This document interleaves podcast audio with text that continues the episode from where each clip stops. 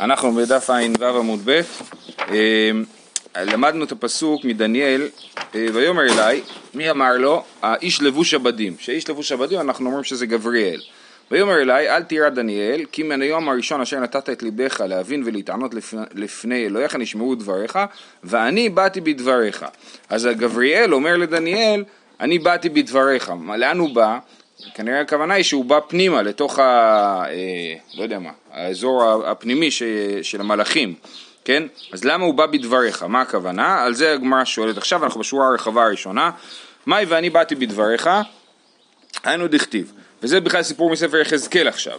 ושבעים איש, יש שם סיפור, זה קורה בכ"ד תשרי, אה, שיחזקאל נלקח לסיור מודרך בבית המקדש בזמן שהוא בבבל בכלל, כן?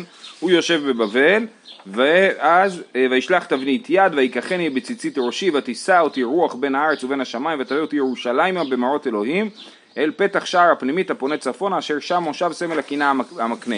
ומה שהוא רואה זה מה שנקרא סדום ועמורה כן? הוא רואה ב, ב, בבית המקדש עבודה זרה אה, ממש בבית המקדש.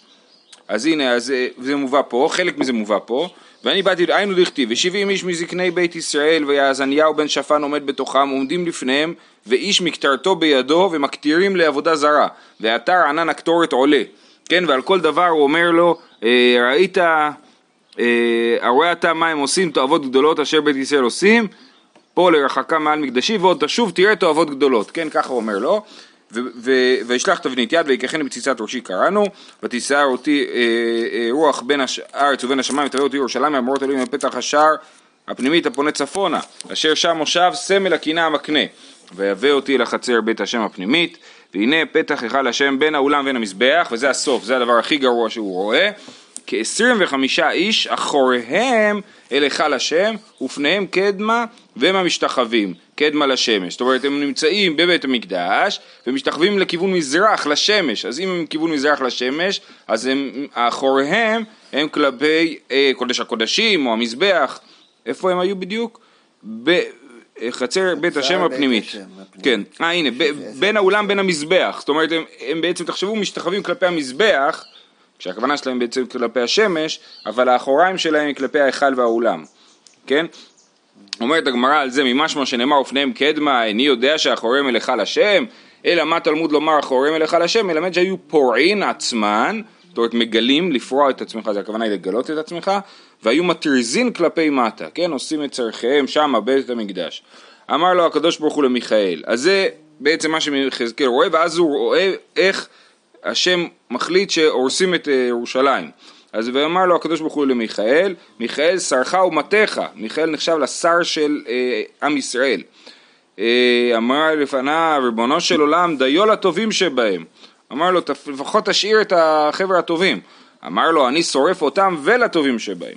מיד ויאמר אל האיש לבוש הבדים. שוב, זה גבריאל, אותו גבריאל שראינו בספר דניאל. ויאמר בוא, בשתיהם הוא נקרא איש לבוש הבדים. ויאמר בוא אל בנות לגלגל, אל תחת לכרוב. עכשיו זה הגלגל והכרוב זה הכל מושגים שקשורים למרכבה שיחזקאל ראה בפרק א', וגם בפרק ח' הוא רואה עוד פעם, אה, פרק י', כן, אבל זה הכל אותו סיפור. אה, אה, הוא רואה את המרכבה, והוא אומר לגבריאל, הקדוש ברוך הוא אומר לגבריאל, קח את האש בנות לגלגל לתחת לכרוב ומלא חופנך גחלי אש מבנות לכרובים וזרוק על העיר, כן, זה כאילו סמל לזה שהולכים להשמיד, לשרוף את העיר ויבוא לעיניי מיד וישלך... לא, ויבוא לעיניי. ויבוא לעיניי, סליחה. מיד וישלח הכרוב את ידו מבנות לכרובים אל האש אשר בנות הכרובים ויישא וייתן אל חופני לבוש הבדים ויקח ויצא. מה הפער בין מה שגבריאל צווה לעשות לבין מה שגבריאל עשה בפועל?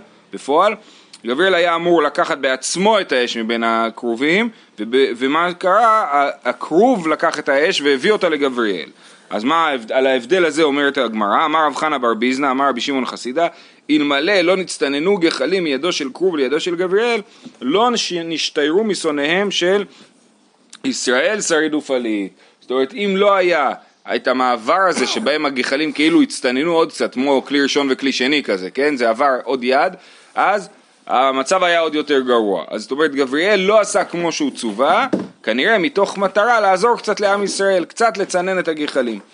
וכתיב והנה האיש לבוש הבדים אשר כסת במותניו משיב דבר לאמור עשיתי כאשר ציוויתני כן ככה הוא אומר אה, אה, גבריאל מדווח שהוא עשה מה שציווה אמר רבי יוחנן באותה שעה הוציאו לגבריאל מאחורי הפרגוד ומחיו שיטין פולסי דנורה כן הרביצו לו עם מקלות של אש או של אור של אור מקלות של אש אמרו לו, היא לא עבדת, לא עבדת, היא עבדת, אמר היא לא עבדת כדי פקדוך. אם לא, אם, אם לא עשית, לא נורא שלא עשית, כי אתה לא רוצה להזיק לעם ישראל. אם עשית, למה לא עשית כמו שצריך? וחוץ מזה, ועוד עבדת, לית לכן משיבים על הכלכלה, וחוץ מזה, אפילו שעשית, אתה לא יודע שאין משיבים על הכלכלה, זאת אומרת, אתה לא בא ואומר, כן, עשיתי מה שצריך, כי זה כלכלה, אז הייתי צריך לשתוק. אז כעסו על גבריאל וגירשו אותו. עכשיו אנחנו מבינים שכשכתוב אני באתי בדבריך בדניאל, הכוונה היא שגבריאל חזר בזכות דניאל.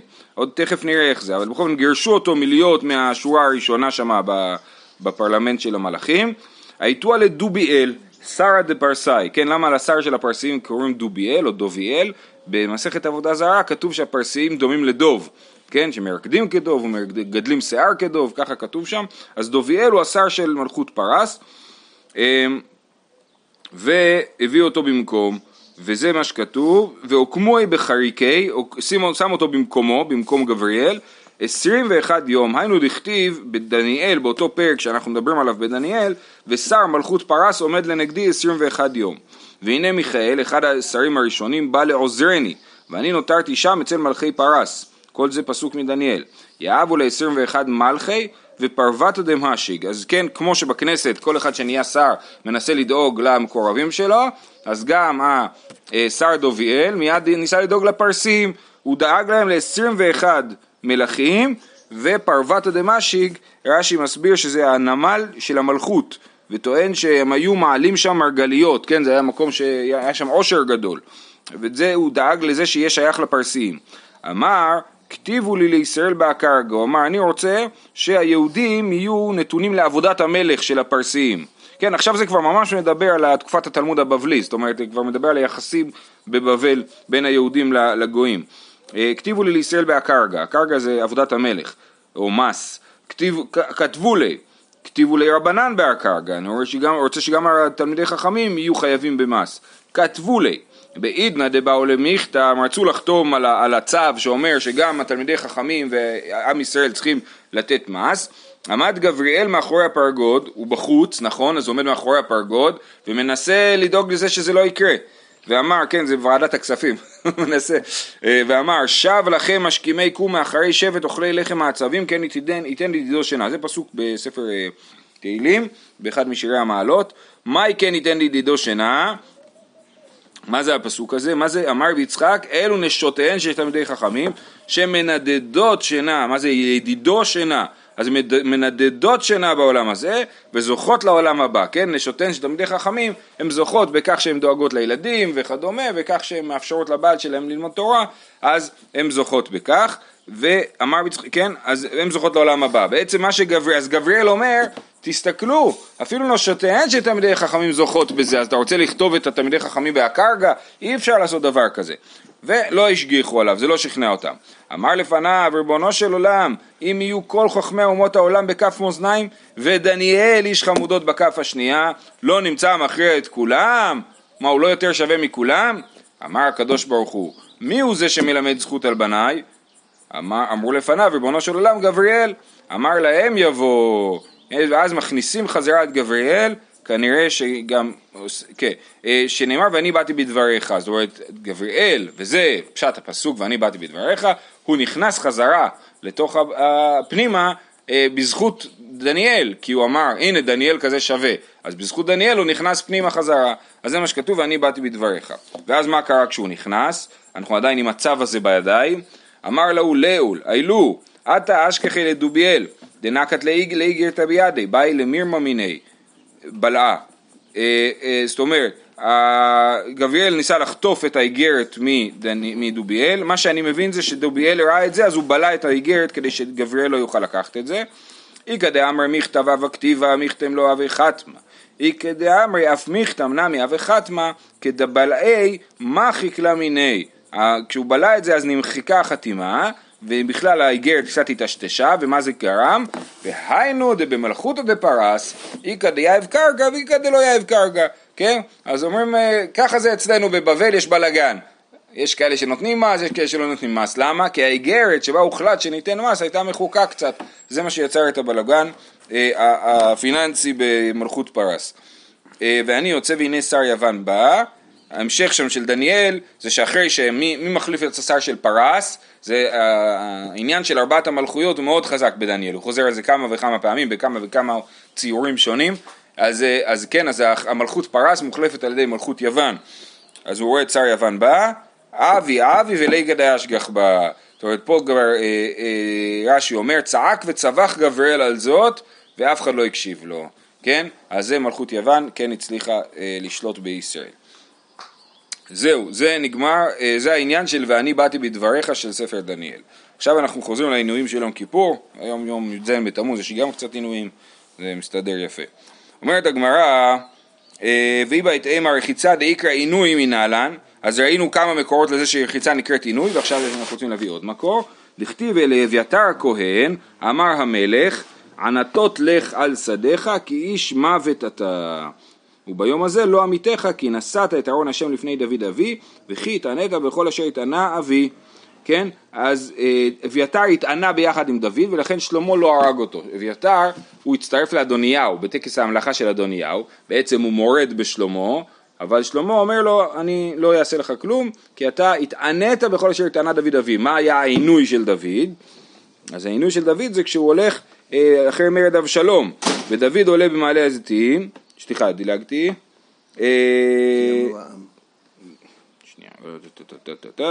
וכתיב בדוד כי אמרו העם רעב ועייף וצמא במדבר, רעב מלחם וצמא ממים, עייף ממים כן, בדרך כלל עייף זה צמא, כן, אבל פה כתוב עייף וצמא, אז מה זה עייף? לאו מרחיצה, עייף זה כנראה מרחיצה, שדוד התענה ולא רחץ, ואנחנו רואים שקוראים לזה עינוי, מאיפה אנחנו רואים שקוראים לזה עינוי? כי שלמה אמר, התענית בכל אשר התענה, דוד אבי.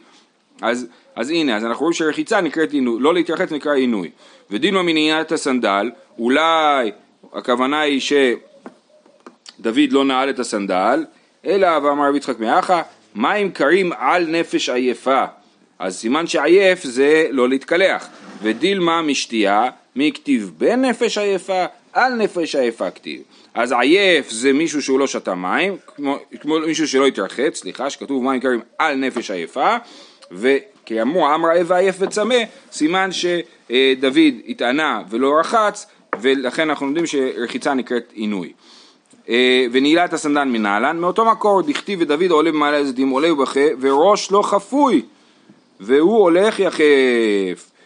יחף ממאי? לאו מנעילת הסנדל? הנה אז דוד היה יחף ושוב לזה קראו התענית בכל אשר התענה דוד אבי ודילמה מסוסי ומירתקה אולי מה זה אומר שהוא יחף? הכוונה היא שהוא לא רכב על הסוס שלו כמו שצריך. כן רש"י אומר מה זה רתקה? שוט הסוס כן? היה יחף מהסוס והשוט של הסוס. אז זה לא מוכיח שדוד היה באמת יחף. אלא אמר רב נחמן בר יצחק מאחה, לך ופתחת השק מעל מותניך, ונעלך תחלוץ מעל רגליך. וכתיב היה עסקן הלוך ערום ויחף. ככה ישעיהו הנביא, כתוב שהוא היה הולך ערום ויחף, יחף ממאי? כי כתוב שהוא מוריד את הנעליים ואז הוא הולך ערום ויחף, סימן שיחף זה בלי נעליים.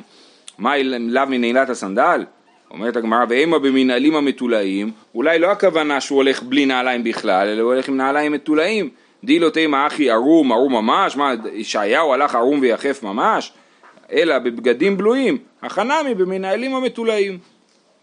אלא אמר רב נחמן בר יצחק מאחה, מנעי רגלך מיחף וגרונך מצמאה, מנעי עצמך מן החטא אוקיי, אז אנחנו לא רואים, אין לנו הוכחה שיחף הכוונה היא בלי נעליים. אה, לא מאור. נכון, נכון, אבל נעליים מתולעים שלהם זה מתולע מאור, כאילו, כן. אה, אה, אלא מאחה מנעי רגלך מיחף וגרונך מצמאה, מנעי עצמך מן החטא, זה ירמיהו אומר לעם ישראל, מנעי עצמך מן החטא, כדי שלא יבוא רגלך לידי ייחוף, ומנעי לשונך מדברים מבטלים, כדי שלא יבוא גרונך לידי צמאה. אז אני פה מתלבט איך, איך בעצם לומדים מזה, אפשר להגיד שתי אפשרויות, אחד זה שאנחנו רואים שהרגל יחפה זה אה, באמת רגל בלי, בלי נעליים, אבל זה לא הוכחה אה, מוחצת, אולי אני חושב עוד אפשרות זה שירמיהו אומר להם מנעי רגלך, מנעי עצמך מן החטא שלא יבוא רגלך לידי ייחוף, איך רגלי יבוא לידי ייחוף? אם היא תחטא אז יהיה חורבן בית המקדש ובצום הם יצטרכו להתענות בעינויים של אה, אה, ללכת יחף, כן? אז זה נראה לי שזה ההוכחה.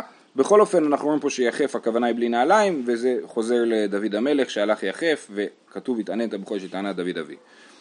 אה, תשמיש המיטה דאיקרי עינוי מנהלן, דכתיב אם תענה את בנותיי, זה לבן אומר ליעקב, ואם תיקח נשים על בנותיי, כן? אז זה, הוא אומר לו אם תענה את בנותיי, מה זה אם תענה? אומר רש"י מתשמיש, מה זה מתשמיש? להשבית עונתם, תענה אותם לא, לא, לא לבוא אליהם. אז סימן שלהימנע מתשמיש זה עינוי, כי כתוב אם תענה את בנותיי. ואם תיקח, מה זה אם תיקח? מצרות, כן? ואם תיקח נשים על בנותיי זה לקחת צרות. ואם האידי ואידי צרות, אולי אם תענה ואם תיקח, הכוונה היא, איך כתוב אם תענה את בנותיי, אם תיקח נשים, זה הכל הכוונה היא לצרות. אומרת הגמרא, מכתיב אם תיקח ואם תיקח, מכתיב אם תיקח ואם תיקח כתיב. אה, כן? ובמיוחד שזה לא אותו פועל, פועל, נכון? אם תענה ואם תיקח, זה שתי פעלים נפרדים, סימן שזה לא מתייחס לאותה פעולה. שנייה, רגע, איך כתוב, בוא נקרא את הפסוק המלא. אה, לא פה, איפה זה? אה,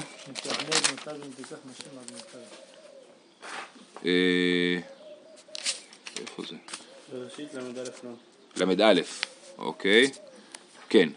אם תענה לבנותיי, אם תיקח נשים על בנותיי, אין איש עמן, רואה אלוהים עד ביני וביניך. יפה. כן? אז זה, אה, אז הוא אומר, מי כתיב אם תיקח ואם תיקח כתיב. ואימה אידי ואידי מצרות חד לצרות דידי ואחד לצרות דעתיין לי מעלמא. אולי אם תענה ואם תיקח, הכוונה אם תענה זה תיקח את, ה, את הצרות, את בלהה וזלפה שהן כבר הצרות של רחל ולאה ותהפוך אותם להיות נשים במעמד שווה לרחל ולאה, זה אם תענה, ואם תיקח זה תיקח נשים מבחוץ שיהיו צרות לבנות שלי. אמ, ואם האידי ואידי מצרות, חד לצרות דידי וחד לצרות דעתי אין להם מעלמא. דומיה דאם תיקח, מי כתיב אם, כן, אומרת הגמרא, מי כתיב אם תיקח ואם תענה, אם תענה ואם תיקח כתיב. אומרת הגמרא זה לא הגיוני, ככה רש"י מסביר. מה הדבר היותר גרוע שלו... שיעקב יכול לעשות לבנות של אה, לבן? לקחת נשים מבחוץ, צרות מבחוץ, ופה הוא קודם אומר לו אל תיקח, אל תהפוך את בילה וזלפה לגבירות ואל תיקח נשים מבחוץ, זה לא הגיוני, הוא היה צריך קודם להגיד לו אל תעשה את הדבר הכי גרוע וגם אל תעשה את הדבר הפחות גרוע, אז לכן זה שכתוב אם תענה ואם תיקח, אם תיקח נשים על בנותיי זה בוודאי הכוונה היא נשים מבחוץ נוספות, כן? אז אם היה כתוב אם תיקח ואם תענה, היינו יכולים לפרש ככה. אבל כיוון שכתוב אם תענה ואם תיקח, אז אי אפשר להסביר שהתענה הזה זה נשים נוספות, או אה, אה, בלהה וזלפה, אלא חייבים להגיד, כמו שאמרנו בהתחלה, שזה אה, עינוי מתשמיש. אמר לרב פאפא לאביי, התשמיש גופה יקרי עינוי, דכתיב וישכב אותה ויעניה, כן? אומר לו, אבל רגע, הרי תשמיש בעצמו נקרא עינוי, לא חוסר התשמיש נקרא עינוי. איפה רואים את זה? בשכם, שלוקח את דינה, כן, כתוב וישכב אותה ויעניה, אז אנחנו מבינים שהוא אה, עינה אותה בתשמיש. אמר לי, הטם שעינה מביאות אחרות. אז רש"י מסביר, זה משונה, אבל ככה רש"י מסביר, שהייתה מתאווה לו ולא באה עליה בעונתה בימים שעמדה אצלו. זה הסבר אחד. אז שעינה מביות אחרות, הכוונה היא שהוא, שהוא גרם לזה שלא היה עוד ביות, אז זה עינוי, כמו שאנחנו רואים, שעינוי של תשמיש המיטה זה אה, אה, להימנע מתשמיש. ועוד הסבר הוא אומר, ואני שמעתי שאינה מביאות אחרות שבאה עליה שלא כדרכה, וקשיא לי, אם כן, אם תענה את בנותיי נמי, הכי אשבי, שלא יענה אותן מביאות אחרות, ועוד שאינה בביאות אחרות מבא אלי. אה, אה, ככה אה, רש"י לא מקבל את הפירוש הזה, שעינה הכוונה היא מביאות שלא כדרכה, אבל דווקא, ויש פה הערה בצד, שרש"י על החומש כן מסביר, שישכב אותה ויענה, הכוונה היא שישכב אותה כדרכה ויענה שלא כדרכה. כן. אז, אבל אז זה לא ברור איך זה עונה, זה הבעיה בהסבר הזה, שלא ברור בדיוק, אמר, אמר לי, את תשמיש גופי יקרה עינוי, דכתיב וישכב אותה ויענה, אמר את תמשינה מבעיות אחרות, אז בבעיות אחרות זה לא נקרא, זה לא נקרא עינוי, עינוי לא נקרא תשמיש, אלא בעיות אחרות, כן, זה התירוץ, אוקיי. תענו רבנן, אסור לרחוץ, עכשיו יש לנו קצת הלכות שקשורות באמת לדיני רחיצה ביום כיפור, אסור לרחוץ מקצת גופו ככל גופו, כן? לא רק שאסור לרחוץ את כל הגוף, אסור לרחוץ קצת, אפילו מקצת הגוף. ואם היה מלוכלך בטיט ובצואה, רוחץ כדרכו ואינו חושש. כן? לרחיצה של ניקיון מותרת, אם בן אדם מלוכלך הוא יכול לרחוץ את הלכלוך. מה אסור לרחוץ? רחיצה של תענוג. אה, אה, אסור לחוד, לסוך מקצת גופו ככל גופו, גם שיחה אסורה. לא אומרים כאילו, כמו שאם אתה יכול להכין אוכל לפני החג ואתה לא מכין אז אתה לא יכול, אז אתה יכול להתנקות לפני יום כיפור. אה, אה, ברור, כן, אבל בן אדם היה צריך, לא יודע מה, לעבור בבוץ, להגיע לבית כנסת או משהו כזה, כן, כן.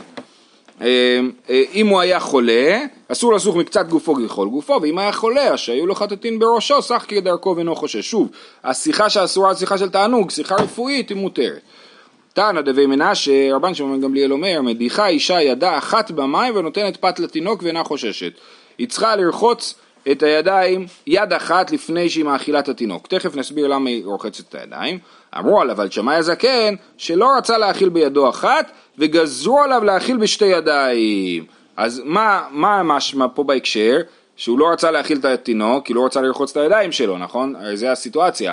אבל באמת באמת נראה שזה קשור לוורט אחר של שמאי הזקן. שמאי הזקן האמין שילדים חייבים במצוות כמו מבוגרים. איפה רואים את זה? בסוכה, נכון? כתוב שהוא פיחת את המעזבה מעל, מעל הסוכה של הנכד שלו, כן? אז זה, אה, ויש עוד, עוד הוכחות לזה, אבל, אבל פה אנחנו, זה מובא בהקשר של הרחיצה, כן? הוא לא הסכים לרחוץ את הידיים כדי להאכיל את, את התינוק. וגזרו עליו להאכיל בשתי ידיים, זאת אומרת רבן שמעון גמליאל אמר לרחוץ רק יד אחת, הוא לא הסכים להאכיל את התינוק, אז אמרו לו אתה חייב לרחוץ שתי ידיים. מי גזר עליו? שאלה טובה, אני שואל את עצמי אותה שאלה, כן. אולי, אולי זה שמע איזה כן כשהוא היה צעיר. אמ, מה איתה מה?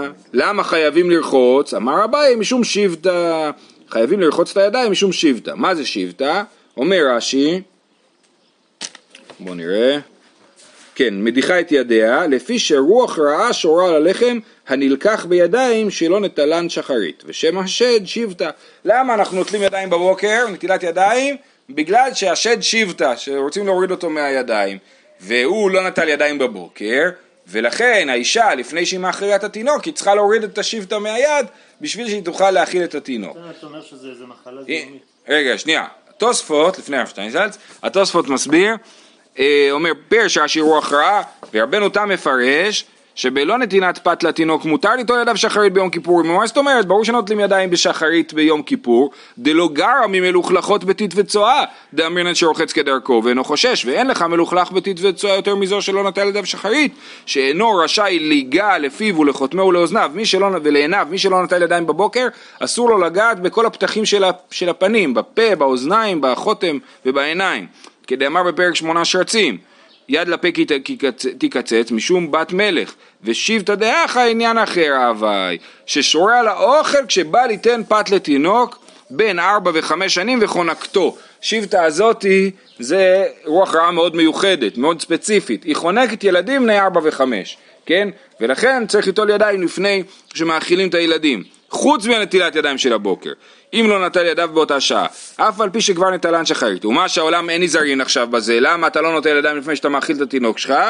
לפי שאין אותה רוח רעה שורה באלו המלכויות, כמו שאין נזהרים על הגילוי ועל הזוגות. אז זה רוח רעה שהייתה בבבל, אין אותה, או בארץ ישראל, אין אותה באירופה, היא לא הגיעה לאירופה, לא למדה גרמנית, ולכן היא, אה, היום לא מקפידים על זה. אבל שם הם הקפידו ליטול ידיים לפני שמאכילים ילדים בלי קשר לנטילת ידיים של הבוקר. עכשיו הפירוש של הרב שטיינזלץ, שניאור. בתשובות הגאונים בספרים מתוארת השבטה כמחלה שנפגעים ממנה בעיקר תינוקות וילדים צעירים ולפי הסברים היא מחלה נובעת מזיהום. יפה. נובעת מזיהום האכל על ידי מגע בידיים בלתי נקיות. יפה, אז שבטה הוא אומר זה מחלה בכלל שצריך לשטוף ידיים לפני שמאכילים את הילדים, זה מאוד הגיוני. בסדר. תנו רבנן בכל אופן, אז המסקנה היא שנוטלים ידיים בבוקר, את זה אנחנו למדנו מרבנו תם בתוספות, כפי שאתם יודעים, מקפידים ביום כיפור ליטול ידיים רק עד קשרי האצבעות ולא על כל היד, כי את המינימום ההכרחי, וחוץ מזה, כשרוצים להאכיל את התינוק, גם אפשר ליטול ידיים אה, אה, אם צריך. אה, תנו רבנן, הולך להקביל פני אביו או פני רבו, או פני מי שגדול ממנו, אדם רוצה ביום כיפור ללכת להתפלל עם הרב שלו, כן? מה הוא עושה? עובר עד צווארו במים ואינו חושש. מותר לו לעבור בתוך המים אה, בשביל אה, זה, וזה לא חוששים לרחיצה. היא באה אלוהו, הרב אצל התלמיד מים, האם הרב יכול ללכת לתלמיד ול, ולעבור דרך מים? מאי תשמע דאמר רב יצחק בר בר חנא אנא חזיתי לזעירי דעזה לגבי רבי חייא בראשי תלמידי זעירי הלך לבקר את התלמיד שלו רבי חייא בראשי אה, אה, כנראה דרך מים רב אשי אמר ההוא רבי חייא בראשי הוא דעזה לגבי דזעירי כן אז רב אשי אומר לא נכון זה לא הסיפור הנכון אה, רב חייא בראשי הלך לגבי זעירי רבי רב הש... אז אין לנו תשובה על השאלה הזאת רב השרה לבני עבר ימינה למעבר במאיה לנטורי פיירי. הוא הרשה להם לעבור במים לא רק בשביל ללכת לרב, שזה משהו אה, שקשור יותר לענייני אה, קודש, אלא גם לשמור על פירות. אמר לאביי לרבה, תניא דמסייע לך, שומרי הפירות, עוברים עד צווארם במים ואינן חוששים. רב יוסף שרה לו לבני בי תרבו, אנשים שגרו במקום שנקרא תרבו, למעבר במאיה למתי לפירקה. למייזה לא שרה לו, הוא הרשה להם לעבור במים לבוא לשיעור, הוא לא הרשה להם לחזור. אמר לאביי, אם כן אתה מכשילן לעתיד לבוא, אם אתה לא תרשה להם לחזור הביתה, שנה הבאה הם לא יבואו לשיעור. איכא דאמר, יש כאלה שמספרים את הסיפור אחרת, שר לו למתי ושר לו למייזל, הוא הרשה להם לבוא וללכת חזרה הביתה, אמר להם, אמר, ואז אביי על זה שאל שאלה, אמר לאביי בישלמה למתי לחיי, בסדר שיבואו, אלא למייזל, מה היא טעמה? תשובה כדי שלא תהיה לך שילן לעתיד לבוא. זאת אומרת, יש כאלה שמספרים את הסיפור בתור ביקורת של אביי על רב יוסף, ויש כאלה שמספרים את הסיפור בתור שרב יוסף מלמד את אביי את הסיבה שזה מותר. רב יהודה ורב שמואל בר רב יהודה אבו קיימי, אז רב יהודה והבן שלו, נכון? לכאורה, רב שמואל בר רב יהודה. אבו קיימי אגודה דנהר, יש פה גרסה פאפה וגרסה בצד פרט. כן, עמדו על שפת הנהר, המעברה דחצדד, המעבר שנמצא ליד המקום שנקרא חצדד. והווה קאי רמי בר פפא מהך גיסא, רמי בר פפא היה תקוע מהצד השני, רמא לאו קאלה, הוא צעק להם, מהו למעבר למייטי לגבייכו? צריך להמחיז את זה, נכון? האם מותר לי לבוא אליכם, לצד השני, למשאל שמעתה, אני רוצה לשאול שאלה, לשאול שמועה. אמר לרב יהודה, אמר לרב יהודה, רב הוא שמואל, זה מעניין דרך אגב, לרב יהודה יש לכאורה בן שקוראים לו שמואל, נכון? רב שמואל בר רב יהודה, כן? ורב יהודה הוא תלמיד מובהק של שמואל ושל רב, כן? אז ברור שהוא קרא לבן שלו על שם הרב שלו. אה, אמר לרב יהודה, אפשר לראות את זה בעוד אה, דוגמאות של קריאת שמות על שם רבנים, גם במשפחה של רב יש שם ככה, קריאת שמות על שם רבנים. אמר לרב יהודה, רב ושמואל למה דבר הוא עובר, ובלבד שלא יוציא ידו מתוך חפת חלוקו. מותר לעבור, אבל יש תנאי שלא יוציא ידו מתחת חפת חלוקו, אומר רש"י, שפת חלוקו, להגביה שולי חלוקו על זרועו. אסור לו להרים את ה... הם לובשים גלימה כזאת, נכון? אז אסור לו להרים את הגלימה למעלה שלא תרטב. למה? שאינו נראה כמלבוש אלא כנושא על כתפו. ואמר מר, יצא בטלית מקופלת על כתפו בשבת חייב חטאת. אם אתה עכשיו תרים את הכותונת על הכתף, אז זה ייראה כאילו אתה נושא את הטלית על הכתף וזה אסור, אסור מדאורייתא, כן, היוצא בטלית מקופלת על כתפו בשבת חייב חטאת. ולכן אה, אה, זה אסור. דרך אגב, מפה יש, אם באמת כל זה מדובר על יום כיפור, כפי שמשמע, אז זה עוד הוכחה למה שראינו שאסור להוציא מרשות לרשות ביום כיפור. אנחנו ראינו דווקא בסוגיה היה להפך, ואז אתה אמרת שההלכה היא, היא לא כמו הסוגיה.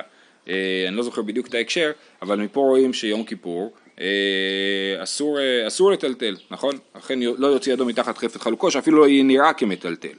איכא דאמרי, אמר לרב שמואל ברב יהודה תנינא, כן, אז רב יהודה אומר בשם רב ושמואל, נכון? ויש כאלה שמספרים את הסיפור קצת אחרת, שרב שמואל ברב יהודה אומר תנינא, שנינו, זה לא בשם רב ושמואל, אלא בשם מקור תנאי, עובר ובלבד שלא יוציא ידו מתחת חפת חלוקו. יופי, אז זה היה הסיפור. עכשיו על הסיפור הזה יש לנו שאלה, מה תקיף לרב יוסף ובכל כי היגב למשארי מותר להסתכן ולעבור בנהר זה מסוכן, אסור לעשות את זה אפילו ביום חול. דכתיב, והכתיב, את זה למדנו במסכת שקלים בירושלמי, ויעמוד אלף באמה ויעבירני במים מי אפסיים. אה, מדובר שם ביחזקאל שיש נהר או נחל שהופך לנהר שיוצא, מ, אה, שיוצא מקודש הקודשים ומגיע עד, ל, אה, עד לים המלח, כן? אז בהתחלה הוא יוצא והוא קטן ולאט לאט הוא מתרחב. והוא, והוא, אז יחזקאל מספר, ויעמוד אלף באמה, אלף אמה מרחק של הנחל, מתקדמים, והמים נהיו מי אפסיים. מה זה מי אפסיים? רש"י מסביר מי- מים שמגיעים לקרסוליים. מכאן שמותר לעבור עד אפסיים. ויעמוד אלף ויעבירני במים מי מים ברכיים. מכאן שמותר לעבור עד ברכיים. ויעמוד אלף ויעבירני, כי כל, פעם הוא מעביר אותו, סימן שאפשר עדיין לעבור. ויעמוד אלף ויעבירני מי מותניים. מכאן שמותר לעבור עד מותניים. מכאן ואילך, המשך הפסוק הוא ויעמוד אלף בנחל אשר לא אוכל לעבור. כן, אז מכאן אנחנו רואים שאסור לעבור במים שהם יותר גבוהים מהמותניים. אז איך הרשו לו לעבור? אמר אביי, שני נחל דרדיפי מאיה. הנחל ההוא שיוצא מקודש הקודשים, המים שלו מאוד חזקים ולכן זה אסור לעבור שם. אבל נהר פרת הוא עובר בנחת אה, ולא אה, סוחף את האנשים ואפשר לעבור בו. יכול יעבירני בשיחוי, יכול להיות שהוא, את הנחל הזה שם שיוצא מקודש הקודשים אי אפשר לעבור ברגל, אבל אפשר לעבור אותו בשחייה. תלמוד לומר כי גאו המים מי סחו. מים מי סחו? שיוטה, שכן קוראים לשייטה סייחה. זה הסחי. סחי, כן.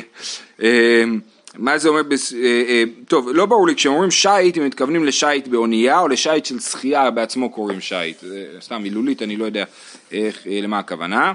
יכול יעברנו בבורג קטנה, יכול להיות שאפשר לעבור אותו בסירה קטנה, את, הש... את, את הנהר הזה. בל תלך בו אוני שייט, יכול יעבר, יעברנו בבורג גדולה, תלמוד לומר, וצי אדיר לא יעברנו, אפילו צי אדיר לא יעברנו את הנחל הזה, כי הוא באמת נהיה נחל ענק וסוחף. אה, אה, אה, ולכן אי אפשר לעבור אותו בסירה או בספינה. מהי משמע? מה המשמעות של צי אדיר? כדי מתרגם רב יוסף, וראינו הרבה פעמים שרב יוסף הוא המתרגם של התורה, בהרבה- מקומות, לא תזיל בי בספינת ציידין ובורני רבתי לא תגוזנה, כן? אז לא, בל תלך באוני שיט וצי אדיר לא יעברנו, זה, הפירוש של זה, אה, אה, לא, תז, לא תלך בה בספינת ציידין, שזה סירה קטנה, ובורני רבתי לא תגוזנה. אה, בורני גדולה זה ספינה גדולה, לא תגוזנה, היא לא יכולה לחתוך את זה, כי היא לא יכולה לעבור ב... אה, בנהר. אמר רב יהודה בן פזי, אף מלאך המוות אין לו רשות לעבור בו. אה, כתיב אחא, בל תלך בו נישית, וכתיב עתה משוט בארץ, כן, המלאך הוא משייט, ככה ראינו באיוב, אה, אה, אז אין נישית, אז גם המלאך לא משייט בארץ. זהו, שיהיה לכולם צום קל.